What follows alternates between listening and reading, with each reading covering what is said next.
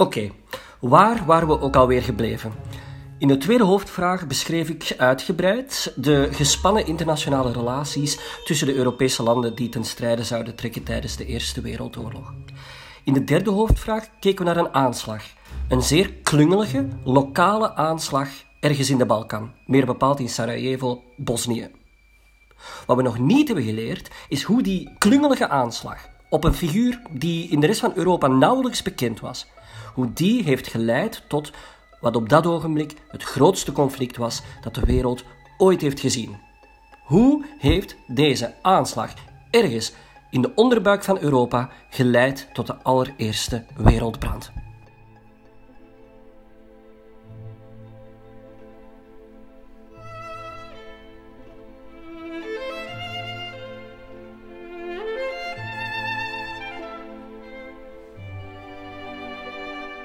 Wat beoogde Servië en wat beoogde Gavrilo Princip en zijn twee medesamenzweerders met deze aanslag op Frans Ferdinand en extra slachtoffer uiteraard zijn echtgenote Sophie? Dat is niet 100% zeker. Hoogstwaarschijnlijk beoogden de samenzweerders om chaos te creëren, om dan van dat machtsvacuum gebruik te maken om Bosnië, de provincie Bosnië, dat eigenlijk nog maar sinds 1908 was geannexeerd door Oostenrijk, weer los te weken van het grote Habsburgse Oostenrijk. Om op die manier aangesloten te worden bij een of ander groot Servië. Zoals we al zagen, koesterden de Serviërs al even die groot-Servische gedachte om een koninkrijk te stichten met daarin niet alleen de Servische Serviërs, de Serviërs die al in Servië woonden, maar ook de Serviërs in het buitenland. Eigenlijk kan je het misschien een klein beetje vergelijken met wat momenteel, en we schrijven nu 2020, bezig is al sinds 2014 in Oekraïne. In het oosten van Oekraïne wonen ook heel wat Russen, dus Oekraïense Russen etnische Russen die Russisch spreken, zich identificeren met de Russische cultuur, die opkijken naar Vladimir Poetin, maar die in Oekraïne wonen. En met Russische steun vechten zij momenteel nog steeds een of andere onafhankelijkheidsoorlog uit tegen het Oekraïense regime. Terug naar 1914, 29 juni, één dag na de aanslag. De aanslag is voorpagina nieuws, maar de meeste West-Europeanen hadden nog nooit van Frans Ferdinand gehoord en konden doorgaans Bosnië of Servië niet aanduiden op een landkaart. De moord werd echter algemeen afgekeurd. En die moord die zorgde voor een onbeheersbare crisis, elektriciteit in de lucht. En die elektriciteit die bleef één maand hangen. En er zijn drie zaken die ik zou willen noemen die toch bijdroegen tot die onbeheersbaarheid van die spannende maand. Ten eerste geloofden de meeste deelnemende landen dat een onvermijdelijk conflict kort en zeer verfrissend en winstgevend zou zijn. Iedereen ging ervan uit dat ze voor kerstmis weer thuis met de geliefden, met de medegezinsleden aan de tafel zouden zitten. Ten tweede waren er uiteraard uh, die spanningen tussen die landen, die we in hoofdvraag 2 hebben bekeken. En geen enkel land wilde eigenlijk gezichtsverlies lijden. Ten derde, en dat gaan we dadelijk zien als we de kettingreactie bestuderen die in gang wordt gezet na de moord, was er de algemene angst om altijd te laat te zijn met mobiliseren, met het in gereedheid brengen van zijn leger. De tegenstander, de rivaal, zou vlugger kunnen zijn dan jezelf. Plus daarbovenop is er ook van elk land de onwil om de eerste te zijn met een agressieve daad, zodat men achteraf altijd zou kunnen zeggen: Ik ben niet begonnen, maar jij. Zoals ik aan het begin van het verhaal over de Eerste Wereldoorlog vertelde, hebben wij vandaag vaak de neiging om naar de geschiedenis te kijken vertrekkend vanuit de afloop ervan. En daar moet je heel erg mee oppassen. Na de Eerste Wereldoorlog is Duitsland, en ook Oostenrijk, maar vooral Duitsland, als de schuldige van het conflict aangeduid. Maar in hoofdvraag 2 zagen we al dat de meeste landen hun agenda hadden, een dubbele agenda hadden om te strijden te trekken. En als we nu die kettingreactie gaan analyseren, die op gang kwam na de moord in Sarajevo, ga je merken dat het ook heel moeilijk is om een echte aanstoker, laat staan Duitsland, van het conflict aan te duiden. We verplaatsen ons momenteel naar Belgrado. Belgrado is de hoofdstad van Servië en we schrijven 23 juli 1914. De Oostenrijks-Hongaarse ambassadeur legt de Servische regering een ultimatum voor. Het is een lijst van Oostenrijkse eisen waar de Servische regering 48 uur voor krijgt om eraan te voldoen. Anders is het oorlog. Het ultimatum stelde in een aantal punten dat de zaak, de moord op Frans Ferdinand, tot op het bot uitgespit zou worden. maar het eiste zo'n vergaande opoffering van de Servische soevereiniteit dat dat land onmogelijk akkoord kon gaan. Ik lees graag samen met u enkel van de artikelen uit het juli-ultimatum en oordeel voor uzelf welke meer vergaande eisen zijn dan andere. Elke publicatie waarin haat of minachting tegen de Oostenrijkse monarchie staat, moet onderdrukt worden. De Narodna, Odbrana of ook Zwarte Hand moet ontbonden worden, evenals soortgelijke groepen die anti-Oostenrijkse propaganda verspreiden. Al hetgeen propaganda tegen Oostenrijk verspreidt of dit zal doen, moet verwijderd worden uit de Servische publieke voorlichting en het onderwijs. Uit het Servische leger en het bestuur moeten alle personen die propaganda tegen Oostenrijk-Hongarije hebben verspreid, ontslagen worden. De namen van deze personen worden aangeleverd door de regering van Oostenrijk-Hongarije. Men moet bij het bestrijden van anti-Oostenrijkse beweging samenwerken met organen van de Oostenrijks-Hongaarse regering. Men moet juridische maatregelen nemen tegen degenen die bij het complot achter de moord op Frans Ferdinand betrokken zijn en zich daarbij laten bijstaan en leiden door organen die door de Oostenrijks-Hongaarse regering zijn gedelegeerd. Twee benoemde personen moeten direct gearresteerd worden. Smokkel in wapens en explosieven tussen Servië en Oostenrijk-Hongarije moeten worden tegengegaan. Er moet uitleg worden gegeven aan Oostenrijk-Hongarije over haatdragende verklaringen die hooggeplaatste Servische personen in Servië en het buitenland hebben gedaan over Oostenrijk-Hongarije. Oostenrijk-Hongarije moet zonder vertraging op de hoogte worden gesteld van de uitvoering van deze maatregelen.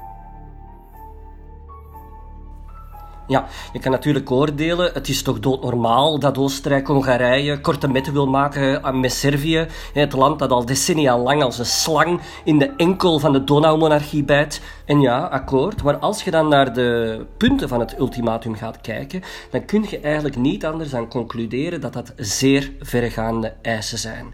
Het komt niet alleen neer op een soort van censuur, bepaalde zaken over Oostenrijk mogen niet langer worden gepubliceerd, maar het komt ook eh, neer op censuur van het onderwijs. Wenen gaat dicteren aan Belgrado wat Servische leraren in hun klaslokaal over Servië, over Oostenrijk mogen zeggen en wat niet. Dat hele punt van die wapensmokkel tussen Servië en Oostenrijk, dat kan je eigenlijk nogal aannemen. Dat is vrij logisch, denk ik. Eh, een heel logische vraag.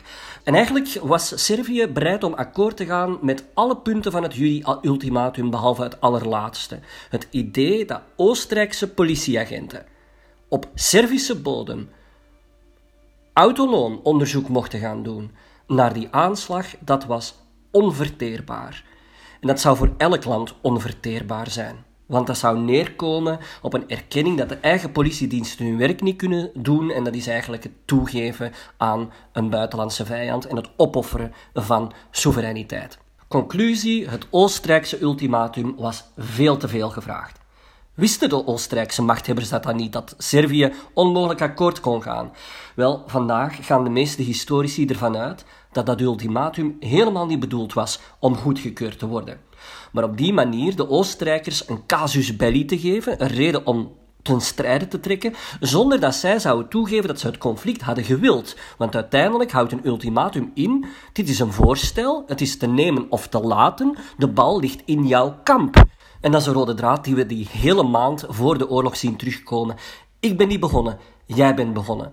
Oostenrijk voelde zich trouwens ook gesteund door nog twee andere landen die eveneens een rekening te vereffenen hadden met Servië, namelijk Bulgarije en het Ottomaanse Rijk. Maar het allerbelangrijkste was dat de Oostenrijkers rugdekking hadden gekregen van Duitsland. Ze hadden begin juli van Duitsland de belofte gekregen dat ze onvoorwaardelijk gesteund zouden worden bij elke actie die ze tegen de Serviërs zouden ondernemen.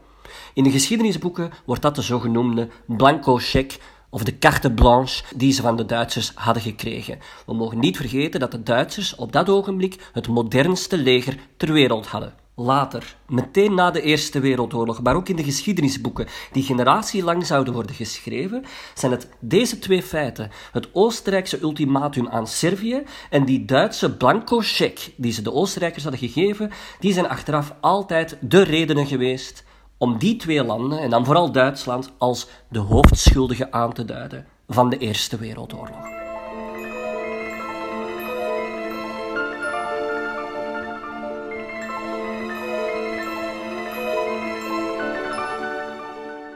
De deadline van het ultimatum verloopt na 48 uur.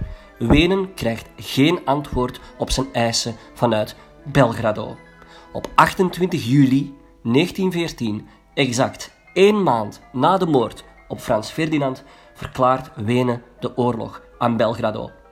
De Oostenrijkers die gaan ervan uit dat het een lokaal conflict zou blijven. Maar hier begint het.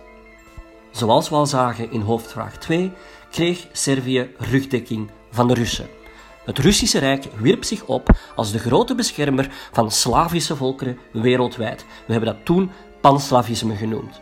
En Rusland was zelfs al een dag eerder, dus op 27 juli, overgegaan tot een voorbereidende mobilisatie van zijn leger. Dat wil zeggen dat het Russische leger, het grootste leger op aarde, gedeeltelijk in staat van paraatheid werd gebracht.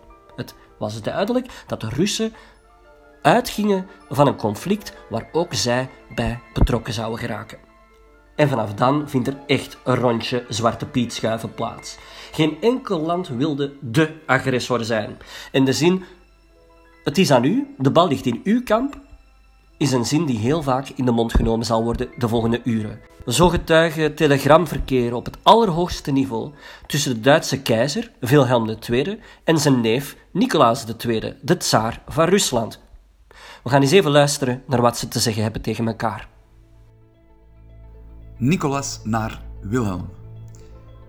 Ik dank u voor uw tussenkomst, die de hoop voedt dat alles vreedzaam zal aflopen. Technisch is het onmogelijk om onze mobilisatie, veroorzaakt door de Oostenrijkse mobilisatie, af te breken. Het laatste wat wij willen is oorlog. Zolang de onderhandelingen tussen Oostenrijk en Servië duren, zullen mijn troepen niet provoceren. Daarop geef ik u mijn woord. Ik vertrouw geheel op God en hoop dat u succesvol kunt onderhandelen in Wenen, in het belang van onze landen en de vrede in Europa. Wilhelm naar Nicolas. Ik heb gemedieerd tussen uw regering en die van Oostenrijk-Hongarije. Vermits uw troepen gemobiliseerd zijn tegen mijn bondgenoot, is die tussenkomst bijna illusoire. Niettemin heb ik doorgezet en nu ontvang ik betrouwbaar nieuws dat er aan mijn oostgrens serieuze voorbereidingen op een oorlog bezig zijn. Ik ben verantwoordelijk voor de veiligheid van mijn land en moet dus maatregelen nemen. Ik ben tot de uiterste grens gegaan om de wereldvrede te bewaren. En ik ben het niet die de verantwoordelijkheid draagt voor het ongeluk dat ons nu allemaal bedreigt. Het ligt in uw handen om het af te wenden. Niemand bedreigt de eer en vrede van Rusland dat de afloop van mijn tussenkomst had kunnen afwachten. De vrede in Europa kan nog steeds behouden blijven als Rusland beslist om zijn militaire voorbereidingen af te breken. Nicolas naar Wilhelm. Ik heb uw telegram ontvangen. Ik begrijp dat u gedwongen bent om te mobiliseren, maar ik zou graag de garantie krijgen dat die maatregelen niet betekenen dat u de oorlog trekt. En dat we zullen blijven onderhandelen voor het welzijn van onze beide landen en de universele vrede die ons zo dierbaar is. Met de hulp van God moet het mogelijk zijn om in naam van onze oude vriendschap bloedvergieten te vermijden. Wilhelm naar Nicolas. Ik dank u voor uw telegram. Gisteren heb ik uw regering de enige manier gewezen waarop oorlog kan vermeden worden. Ook al had ik gevraagd om een antwoord te krijgen tegen deze middag, geen antwoord van uw regering heeft mij bereikt. Daarom was ik gedwongen om mijn leger te mobiliseren. Een direct en helder antwoord uwentwege is de enige manier om nu nog ellende te vermijden. Ik vraag u met grote aandrang dat uw troepen onder geen beding de grens oversteken. Ja, het mogen heel duidelijk zijn, deze twee neven die zijn met vuur aan het spelen, met de toekomst van de wereld. Of, of, je kan het ook omschrijven als dat ze een hete patat de hele tijd naar elkaar aan het gooien zijn en daarvan af willen. Opnieuw, ze willen niet als de aanstoker van het conflict worden beschouwd. Voor ons vandaag lijkt dat natuurlijk hallucinant. Hoe kunnen twee heethoofden, die dan nog eens een keer familie van elkaar zijn, zo met de toekomst van de aarde spelen? Maar hier moet een hele belangrijke kanttekening bij gemaakt worden. Achter die telegrammen die ze tussen Berlijn en Sint-Petersburg uitwisselen, zitten natuurlijk hele diensten van buitenlandse zaken. Die brieven, die telegrams, die worden nagekeken door eh, functionarissen op topniveau. Eh, dus het zijn hoogstwaarschijnlijk niet hun eigen woorden. Maar men wil eigenlijk gebruik maken van de familiale band om een groot conflict alsnog te voorkomen. Maar ja, ook de familiebanden halen eigenlijk niks uit. En twee dagen na de Oostenrijkse oorlogsverklaring tegenover Servië, op 30 juli, kondigde dus zowel Oostenrijk-Hongarije als Rusland een algehele mobilisatie af. Hun hele leger werd in staat van paraatheid gebracht.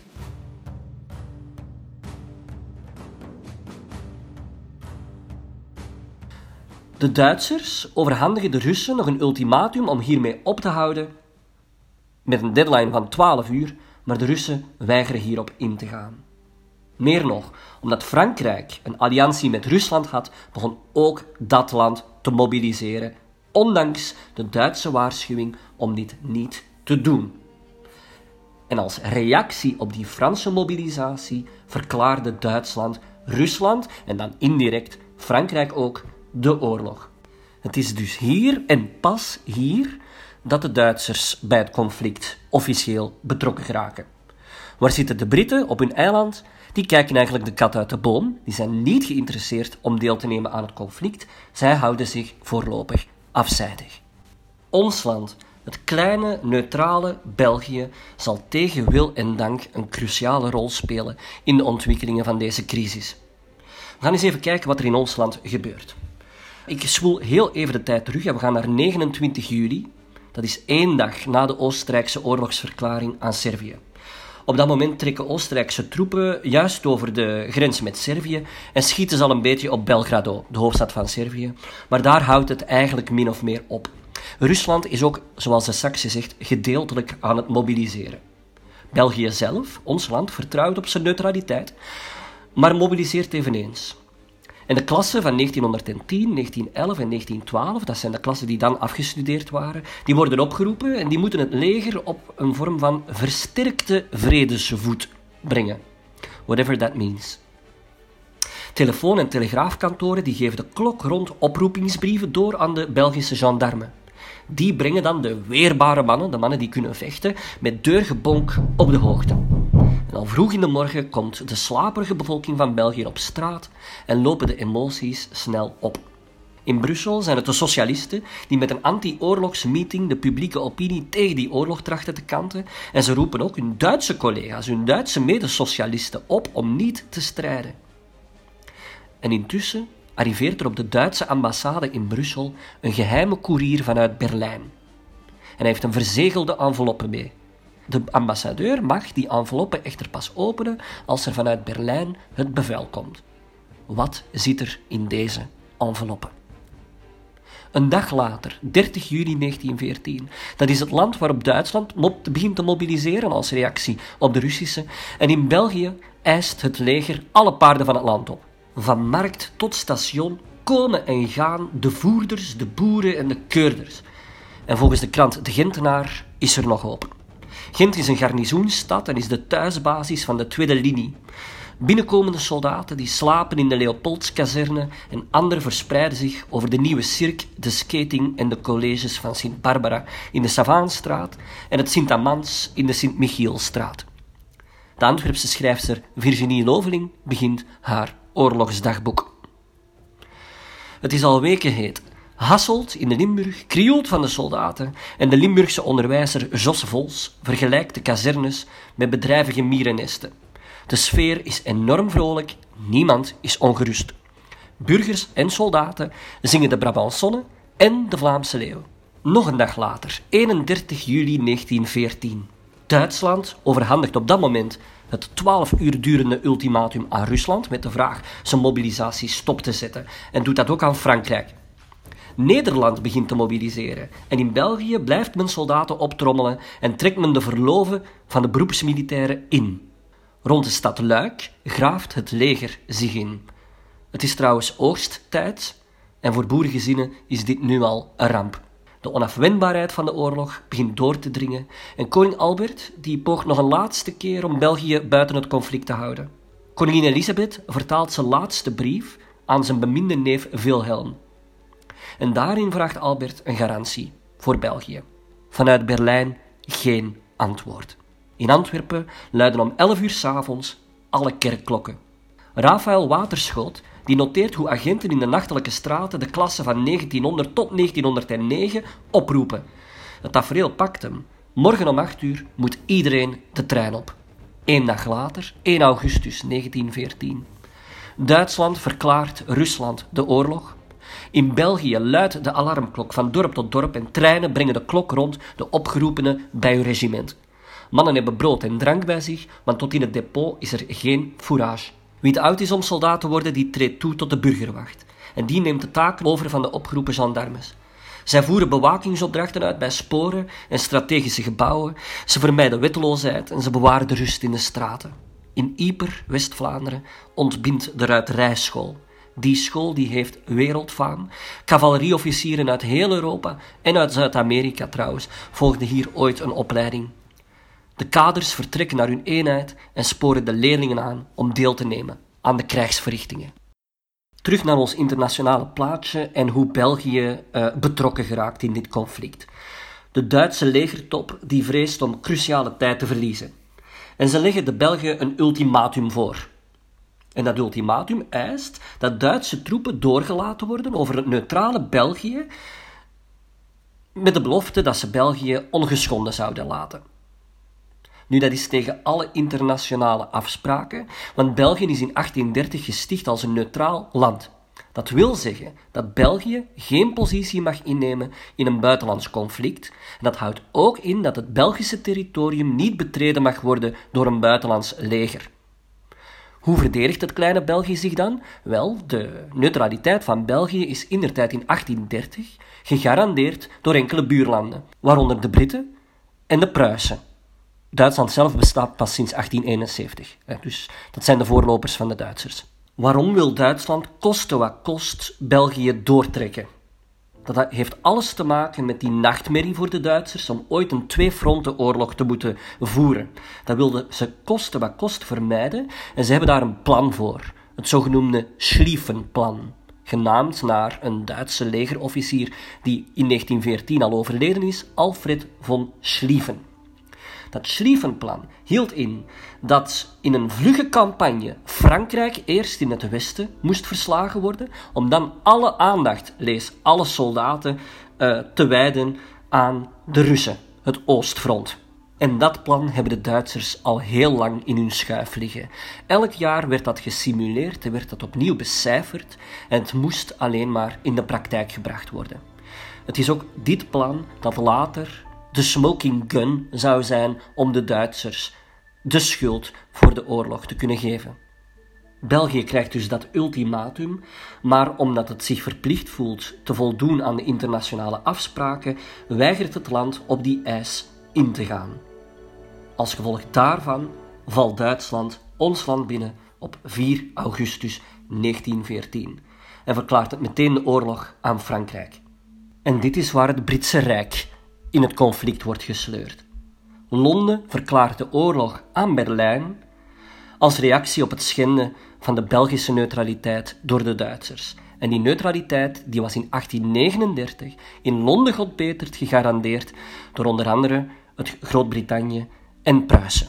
De wereld is vertrokken voor een wereldoorlog. Om te recapituleren wil ik nog één keer de twee hardnekkige misverstanden over de Eerste Wereldoorlog ontkrachten. Ten eerste werd altijd gezegd dat het Duitsland was, dat de agressor van Europa was en die de wereld in dit wereldconflict heeft getrokken. We hebben gezien dat dit niet helemaal juist is. Dit is slechts gedeeltelijk juist. Bijna alle landen hadden hun redenen om tot oorlog over te gaan en uiteindelijk was het zeker niet Duitsland die de eerste oorlogsverklaring uitvaardigde. Ten tweede was het geen dwaze moord in Sarajevo, maar was het de dwaze diplomatie die daarop volgde, die de wereld in dit conflict heeft gesleurd.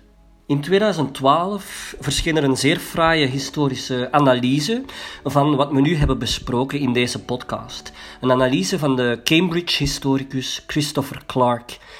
Zijn boek heet Sleepwalkers. En is eigenlijk heel treffend om de Europese machthebbers van die tijd, dan heb ik het over politici, uh, diplomaten, legerleiders, te omschrijven.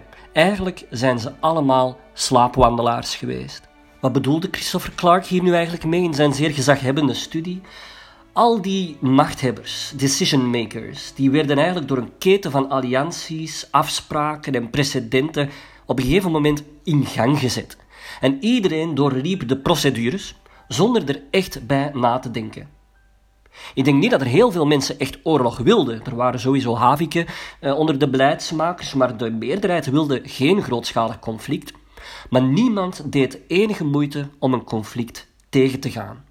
Op die manier dragen eigenlijk alle betrokkenen schuld.